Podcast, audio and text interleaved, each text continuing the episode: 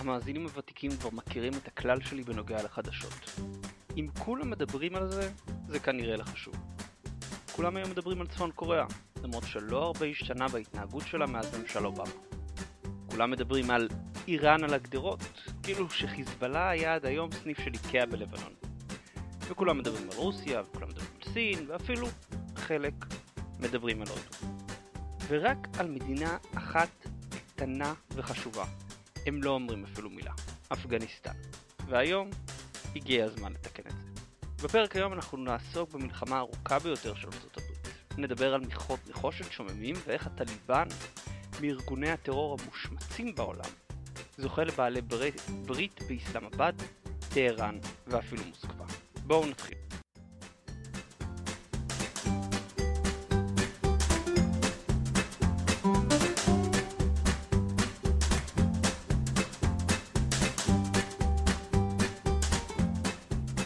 ביום שני, ה-21 לאוגוסט, דונלד טראמפ חשף בפני הציבור האמריקאי את התוכנית שלו לנצח באפגניסטן. בתוכנית, הגדלת הנוכחות הצבאית, תמיכה בכוחות אפגניים מקומיים, ודרישה מפקיסטן להפסיק את התמיכה בארגוני הטרור. טראמפ אף הגדיל לעשות מקודמיו, בהבטחה שא', ארצות הברית לא תיתן לוחות זמנים לנסיגה מאפגניסטן, וב', היא לא תיסוג מאפגניסטן לפני השגת היעדים הביטחוניים שלה. עכשיו, קשה להפריז בחשיבות של התוכנית הזו לארצות הברית בפרט ולעולם בכלל. שדה הקרב הכי חשוב שארצות הברית נלחמת בו היום הוא אפגניסטן. לא עיראק, לא סוריה, לא מזרח אירופה. אפגניסטן. רק באפגניסטן ארצות הברית יכולה להשפיע במקביל על סין, רוסיה, הודו ואיראן. וניצחון שלה באפגניסטן יכול להחזיר אותה למפה העולמית ולהזכיר לכולם מי מעצמת העל היחידה. עכשיו, אני יודע מה אתם שואלים. אפגניסטן דווקא? איך חור שכוח אל בדרום אסיה הוא חשוב יותר מסוריה, ים סין הדרומי או מדינות הבלטיות? טוב, התשובה היא שאפגניסטן היא לא כל כך חור. למען האמת להפך. הודות לגיאוגרפיה שלה היא בנקודת מפתח בו דרום, מערב ומזרח אסיה נפגשים. בשביל להבין זאת טוב יותר, הבה ונפרוס את המפה הטופוגרפית של אפגניסטן. כמעט כל אפגניסטן הוא שטח הררי. במרכז המדינה נמצאים הרי הינדו כוש, חלק משרשרת הירי ההימאליה. בצפון אפגניסטן הם מתרוממים לגובה של 6 קילומטרים מעל פני הים, ויורדים בהדרגה בכיוון צפון-מזרח לדרום-מערב עד לגובה של 1.2 קילומטר מעל פני הים. הערים האלו מפצלים את אפגניסטן גיאוגרפית, עם עמקים פוריים בצפון המדינה ומדבריות במרכזה. המבנה ההררי של אפגניסטן מעניק לה ארבעה מאפיינים מרכזיים שמגדירים אותה ואת החשיבות שלה. ראשית, היא בעלת מבנה חברתי שבטי בעיקרו. שנית, היא ופקיסטן מושפעות מאוד אחת מהשנייה וקשורות אחת בשנייה. שלישית, היא בעלת מעבר נוח לאיראן ולמרכז אסיה, ורביעית, היא עשירה במינרלים ומחצבים. אז בואו נתחיל. ראשית, המבנה השבטי. המבנה השבטי נובע מהגיאוגרפיה. בפרק על האי העולמי כבר הסברתי שהערים מהווים מחסום טבעי לתנועה. קשה לאנשים ולסחורות לחצות ערים, ולכן הם יהוו בדרך כלל גבולות בין קבוצות אנושיות. עכשיו, כשהיכולת של קבוצות מרוחקות לעזור לך היא קטנה, אתה מתבסס על התמיכה של המבנה המשפחתי הקטן והמורחב. השבט הוא בעצם הרחבה של המשפחה הגרעינית.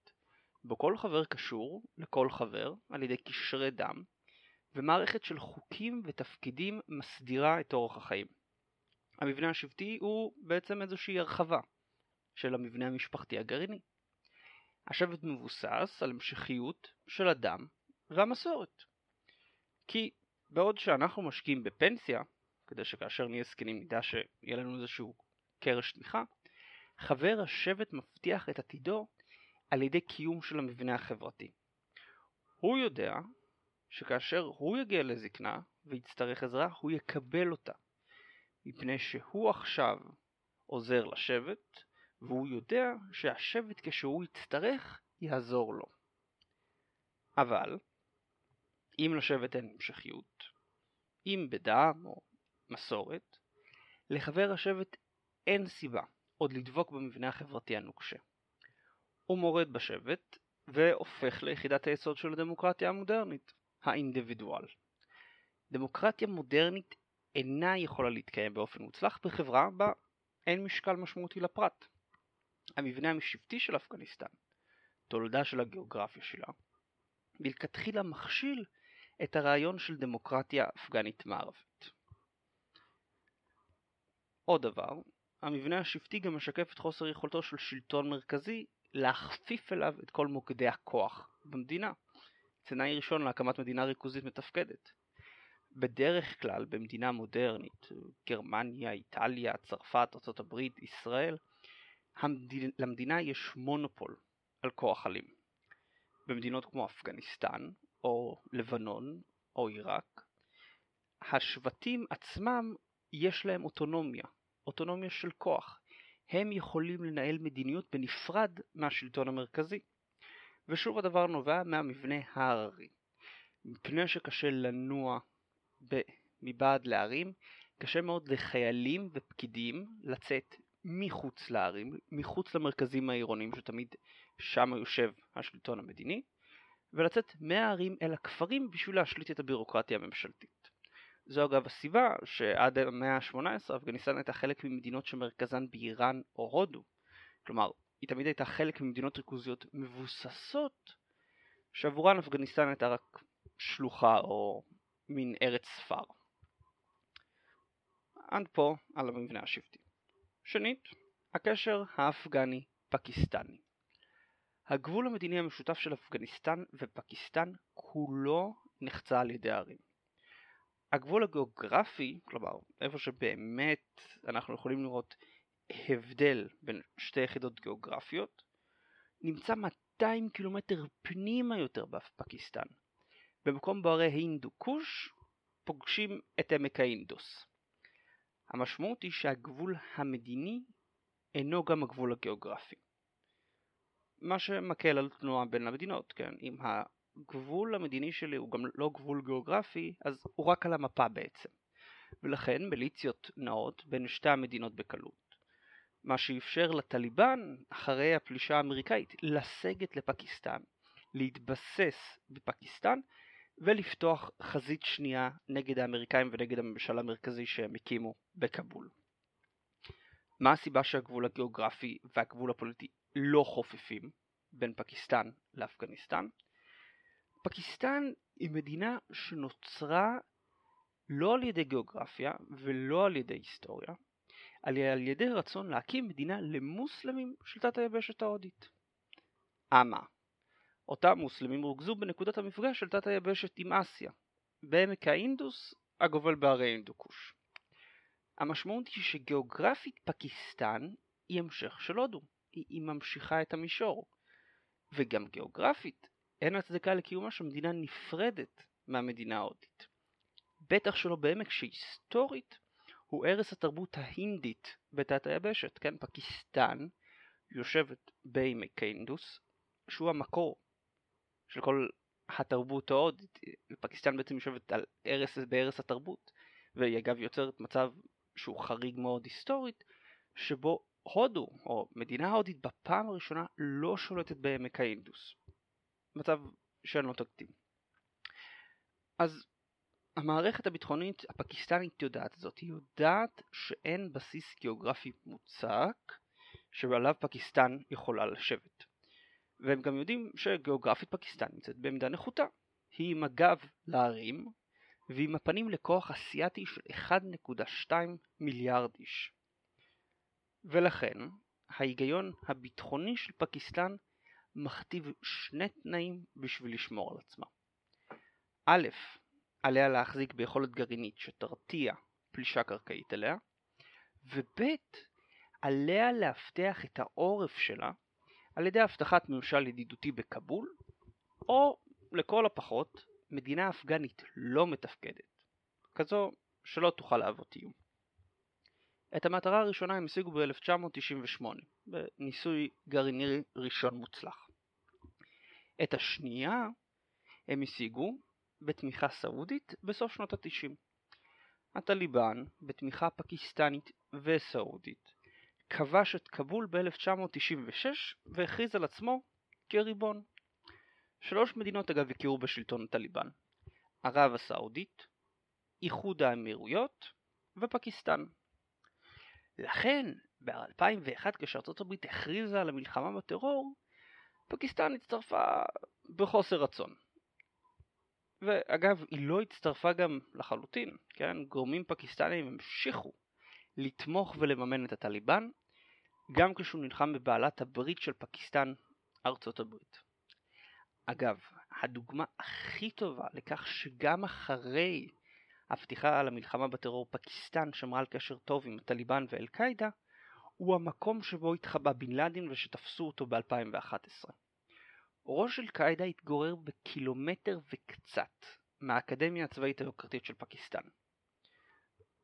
כלומר, יש לנו את ראש אל-קאעידה, המבוקש, הכי מבוקש בעולם, והוא גר קילומטר וקצת בתוך אחוזה סגורה וחשודה מאוד, ממש ליד האקדמיה הצבאית היוקרתית של פקיסטן. אה, תחשבו על זה שזה כמו שחסן נסראללה פתאום מתאפס באיזו וילה ליד בה"ד 1.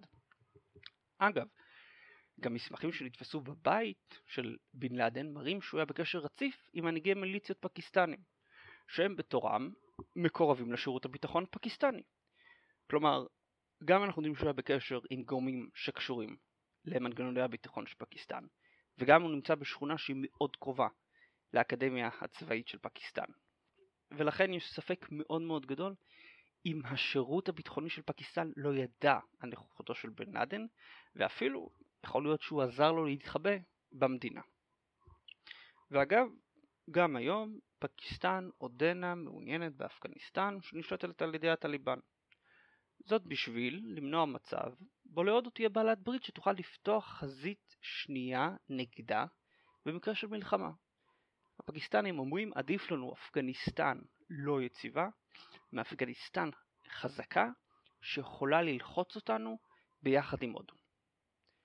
ופה אנחנו חייבים לשאול את השאלה הבאה אם פקיסטן רוצה אפגניסטן לא יציבה כדי למנוע מהודו בעלת ברית, מה הודו רוצה?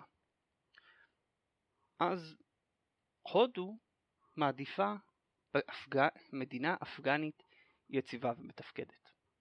למה? פקיסטן משתמשת באפגניסטן כחממה לגידול מיליציות, אותה אני שולחת אחרי זה לאזורי חיכוך עם הודו, לשם ביצוע של פיגועי טרור. היעד הכי פופולרי, קשמיר.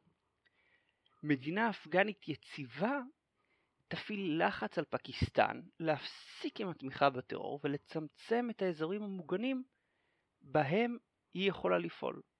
כי מדינה אפגנית כדי לייצב את עצמה חייבת להפסיק את התנועה של המיליציות.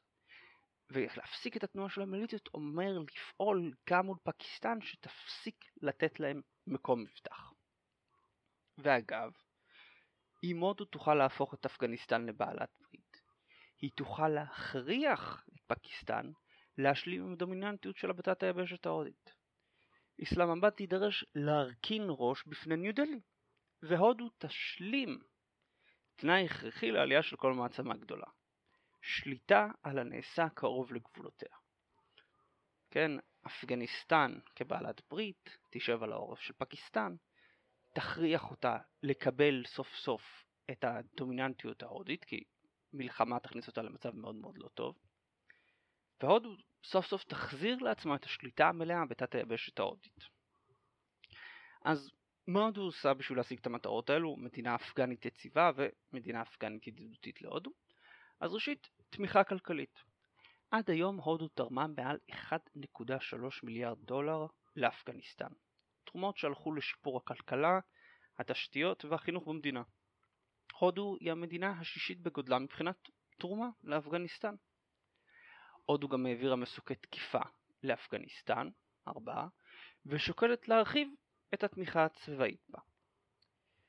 ופה בנושא הזה של שת"פ הודי-אפגני נכנס משהו שאמור מאוד מאוד לעניין אותנו כישראלים. והוא הפרויקט שהודו עשתה באפגניסטן של חיבור ברכבת של עיר הגבול זהדן עם נמל צ'הבר. החיבור ברכבת מאפשר לאפגניסטן גישה לאוקיינוס ההודי.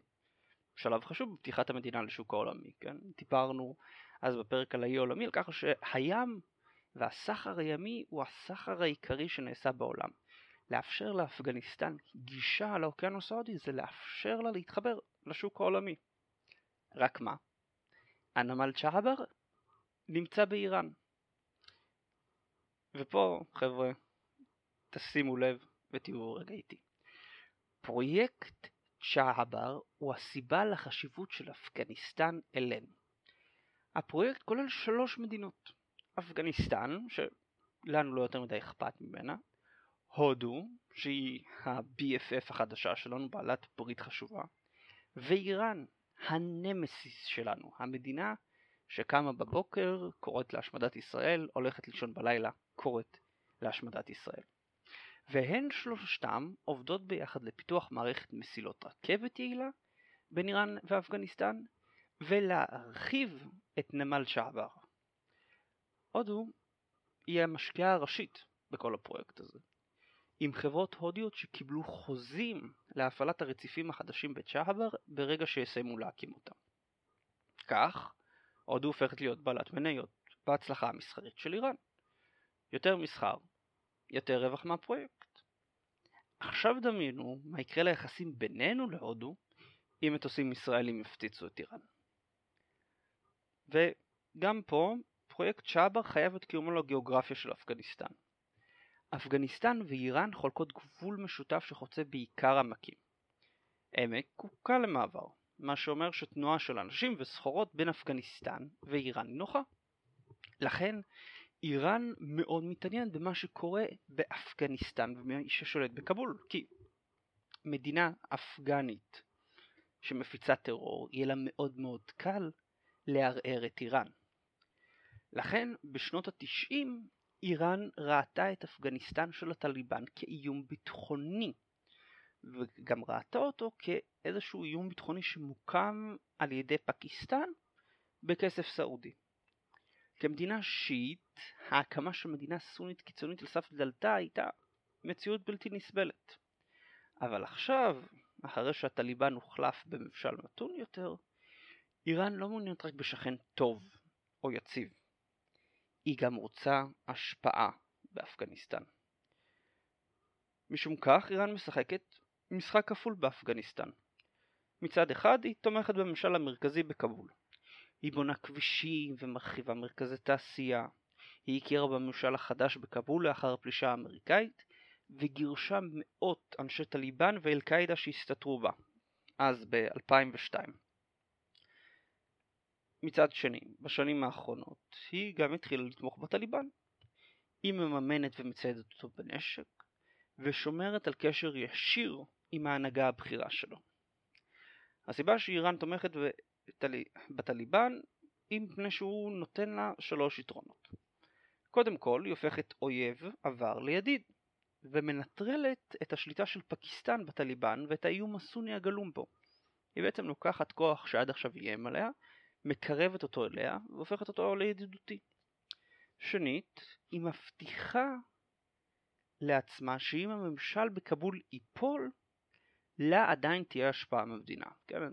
הממשל בכבול שולט, היא ידידותית אליו. הטליבן שולט, היא ידידותית אליו. ושלישית, הטליבן דוחק את האמריקאים מאפגניסטן, והרחק מגבולותיה של איראן. איראן, אם תחשבו על זה לרגע מבחינת המפה, היא נמצאת טיפה באיזשהו לחץ של מעצמות. יש לה את האמריקאים באפגניסטן, יש לה את האמריקאים בעיראק, ויש לה את הרוסים מצפון, ויש לה בסיסים אמריקאים מדרום. היא באיזשהו מקום במצור, לכן היא מאוד משתדלת להרחיק עד כמה שהיא יכולה כוחות uh, מעצמתיים. אם זה אמריקאים בעיראק, אם זה אמריקאים באפגניסטן. אז בואו נעשה סיכום ביניים קצרצר. ארה"ב נמצאת באפגניסטן בשביל להילחם בטליבן, שמקבל תמיכה מפקיסטן, בעלת ברית של האמריקאים, ומאיראן, יריבה שלהם. האינטרס האמריקאי הוא מדינה אפגנית דמוקרטית ומתפקדת, אינטרס שגם של הודו. המדינה האפגנית אבל צריכה להתמודד עם גיאוגרפיה בעייתית ופעילות פקיסטנית ואיראנית לחבל בסיכויים שלה. נשמע מסובך עד עכשיו? מצוין. כי אני רוצה להוסיף לקלחת הזאתי עוד שתי מדינות, רוסיה וסין. לרוסיה יש רגישות מיוחדת למרכז אסיה ולאפגניסטן כאזור אסטרטגי שהיציבות שלו מבטיחה לרוסים שקט. כמדינה גדולה, יש יגידו גדולה מדי, הרוסים תמיד ירצו לצמצם ולקבץ, ולקבץ חזיתות. כיום האתגר המשמעותי ביותר שלהם הוא במערב, מול אירופה וארצות הברית במדינות הבלטיות, אוקראינה וסוריה. הדבר האחרון שהם צריכים הוא חוסר יציבות במרכז אסיה. שברגע שתהיה חוסר יציבות במרכז אסיה זה מקרין על המיעוטים המוסלמים שיושבים במרכז רוסיה. ואז לרוסיה במקום רק חזית במערב המדינה, תהיה עכשיו גם חזית במרכז המדינה. לכן כשדאעש פתחו סניף באפגניסטן, במוסקבה נעו באי נוחות. המעבר הנוח מאפגניסטן לתוך הרפובליקות של מרכז אסיה, טורקמניסטן, קירג'יסטן וקזחסטן, משמעו שדאעש יוכל להתפשט ולהתסיס את האזור. משום כך, בשביל למנוע תרחיש כזה, ב-2015 רוסיה החלה בשיתוף פעולה עם הטליבן, שנמשך גם היום. רשמית, הרוסים טוענים ששיתוף הפעולה מתרכז במודיעין. לא רשמית, ישנן טענות שהקרמלין סיפק נשק לטליבן, בעיקר איזשהו סרטון ש-CNN פרסם בתור סקופ. אני אישית לא מאמין שדבר כזה קרה, שהרוסים מימנו וסיפקו נשק לטליבן. כי הם יותר מדי חכמים בשביל לעשות את הטעות של חימוש טרוריסטים שהיום הם חבריך ומחר הם אויביך. בוא נזכור בכל זאת הטליבן הוא אחד מארגוני המוג'הדין שנלחמו בסובייטים במלחמת אה, רוסיה-אפגניסטן של שנות ה-80. אבל בכל מקרה, אם הם מספקים נשק ואם לא, לרוסים יש אינטרס ברור באפגניסטן כעמוד תווך ליציבות של מרכז אסיה. העובדה שאפגניסטן נמצאת בסדר העדיפות הלאומי גם של פקיסטן והודי, מוסיפה לערכה בעיני רוסיה. כי הרוסים רואים את זה שהשפעה בכבול תהיה לה השפעה בניו דלי ואיסלאמבאד. שתי מדינות חשובות באקיינוס ההודי ושתי מדינות חשובות לסין ולארצות הברית. וכך בעצם על ידי הגדלת הנוכחות שלהם באפגניסטן, הרוסים יכולים להגדיל את היתרון האסטרטגי שלהם על הרוסים והסינים. אז לרוסיה יש אינטרס באפגניסטן, וכך גם להודו, פקיסטן, ארצות הברית ואיראן. הבה ונכיר את המדינה האחרונה בסאגה המרתקת הזאת. סין. בקרקע של אפגניסטן קיימת כמות אסטרונומית של משאבים. החל במינרלים, עבור במתכות וכלה ביסודות נדירים, החשובים בהתקנים של מיקרואלקטרוניקה. סקר גיאולוגי שבוצע על ידי ממשלת ארצות הברית הראה שבאפגניסטן כנראה יש מעל 60 מיליון טון של נחושת, 2.2 מיליארד טון של הפרות ברזל ו-1.4 מיליון טון של יסודות נדירים. בנוסף לאלו יש במדינה גם כמויות משמעותיות של אלומיניום, זהב, אבץ וכספית. שווי כל המשאבים באפגניסטן מוערך בכמעט טריליון דולר. זו אגב מדינה שהתוצר המקומי הגולמי שלה כיום הוא 20 מיליארד דולר, אוקיי? משאבים בשווי כמעט טריליון, תמ"ג בשווי של 20 מיליון. 20 מיליארד, סליחה. הפרש משמעותי מאוד. הבעיה אבל שללא תשתית טובה ועם איום בפיגועים, אין הרבה חברות שיהיו מוכנות להקים מכרה רק בשביל לראות אותו מופצץ על ידי הטליבן. וכאן נכנסים הסינים. לסינים יש רב אדיר למשאבים. והם מחפשים להשביע את הרעב הזה במרכז אסיה ואפריקה. אך למה להרחיק עד אפריקה, כשממש מעבר לגבול נמצאים מרבצים עשירים של מתכות ומינרלים? לכן לאחר הפלישה האמריקאית, חברות סיניות החלו להיכנס לאפגניסטן במטרה לחצוב את המשאבים שלה. חברות סיניות חתמו על שורה של חוזים עם הממשלה האפגנית, כולל חציבת נחושת מהמרבץ השני בגודלו בעולם, והחוזה הראשון בתולדות אפגניסטן לשאיבת נפט וגז. שיתוף פעולה סיני-אפגני יכול היה לתרום לשתי המדינות ולדרום אסיה בכלל. רק מה? שהשת"פ הזה לא מצליח. קחו כדוגמה את הפרויקט לקריאת נחושת, כן? מכרה נחושת במרבץ השני בגודלו בעולם, מה פרויקט שהיה אמור לתת לממשלה האפגנית כמעט מיליארד דולר ברווחים כל שנה. מיליארד דולר. תמ"ג של 20 מיליארד. זה מאוד משמעותי. אממה, כמעט עשור לאחר חתימת החוזה לקריאת הנחושת. העבודה עדיין לא התחילה. וזה לא משום התקפות טרור או אסונות טבע, אלא חוסר הסכמה בנוגע לשינויים בחוזה. הסינים התחייבו להקמת תחנת כוח חשמלית בנוסף למכרה. אך ביטלו זאת משום שמצאו שבאזור אין מספיק פחם להצדיק את הקמת המפעל. הממשלה האפגנית אבל דורשת שהם יבצעו את כל סעיפי החוזה, כלומר שיקימו את תחנת הכוח למרות שלטענת הסינים אין בזה כדאיות כלכלית. מה התוצאה? קיפאון מוחלט בפרויקט שהיה מניב לאפגניסטן מיליארד דולר בשנה. מה קורה כאן? כן, יש לנו את סין, מעצמה עולה, אפגניסטן, מדינה קטנה ופושטית. לסין יש אינטרס ברור לפתח את מרכז אסיה בשביל משאבים, יציבות והגדלת הכוח שלה מול הודו, ארה"ב ורוסיה. סין הצליחה בפקיסטן, כן, מדינה מאוד דומה למדינה האפגנית, במספר פרויקטים גדולים, כשהחשוב שבהם הוא המסדרון הכלכלי המחבר את מערב סין לנמל גואדר שבפקיסטן. אז מדוע סין מצליחה שם, בפקיסטן, שהיא לא בדיוק מדינה מתפקדת, אך לא מצליחה באפגניסטן? שתי סיבות אפשריות. הראשונה היא העניין של סין באפגניסטן. המשחק הגדול של סין בדרום אסיה מכוון להכלה של הודו וגישה לאוקיינוס ההודי. היא השיגה את הגישה בעזרת המסדרון הכלכלי, ואיזון מול הודו על ידי תמיכה בפקיסטן. מה אפגניסטן מציעה לה? כן, להודו, ארצות הברית ורוסיה יש אינטרס בה. נכון. אך בניגוד למוסקבה, בייג'ינג לא נכנסת לזירה רק כדי להשיג עוד מנוף נגד היריב.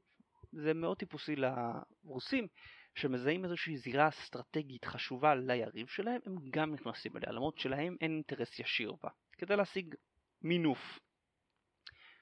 הסינים לא עושים את זה. ונכון, המשלבים באפגניסטן בהחלט מפתים, אך ישנם יעדים יציבים הרבה יותר במרכז אסיה, באפריקה ואמריקה. אין לסין סיבה להשקיע המון באפגניסטן. הסיבה השנייה היא שאפגניסטן זוכה לתמיכה מארצות הברית, בניגוד לפקיסטן שנותרה ללא מעצמה ידידה. פקיסטן צריכה מעצמה שתתמוך בה מול הודו, ואפגניסטן לא.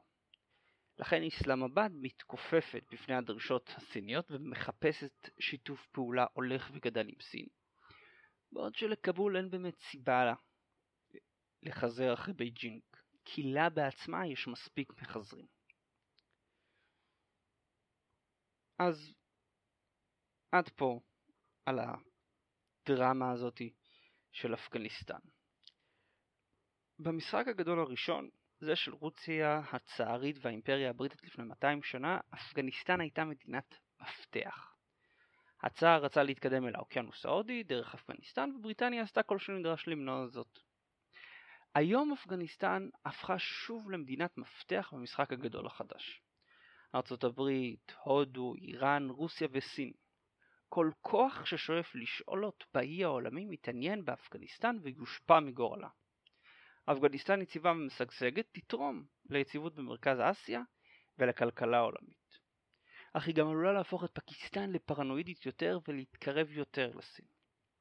קריסה של אפגניסטן תערער את מרכז אסיה ועלולה לתת לדאעש להקים את החליפות מחדש. מה יקרה? האם היא תיפול, האם היא תקרוס או האם היא תעלה? אינני יודע. אך אני יודע שבמשחק הגדול החדש, בו יש ריבוי של שחקנים עצמאיים, אנו חייבים להסתכל רחוק הרבה יותר ממה שהסתכלנו. כי מה שיקרה באפגניסטן יגיע בסוף גם לרמת הגולן. תהיו סמוכים ובטוחים ותסמכו על איראן. תודה לכם על ההקשבה. טוב, עד פה להיום. זה היה פרק ארוך. אם נהניתם, אל תשכחו להגיב, לשתף ולספר על חברים. אם לא נהניתם, תרגישו חופשי לשלוח לי הודעה בפייסבוק או באימייל או אפילו לרשום את זה בבלוג, אני אשמח ותמיד שמח ללמוד. אני כמובן מזכיר לכם שוב לעשות לנו לייק לדף הפייסבוק שלנו כדי לעקוב כל הזמן אחרי חדשות. ובפרק הבא אנחנו הולכים להתעסק בנושא שהפך להיות לנושא הכי פופולרי. מה הולך לקרות אחרי שהאיראנים ניצחו במלחמה בסוריה?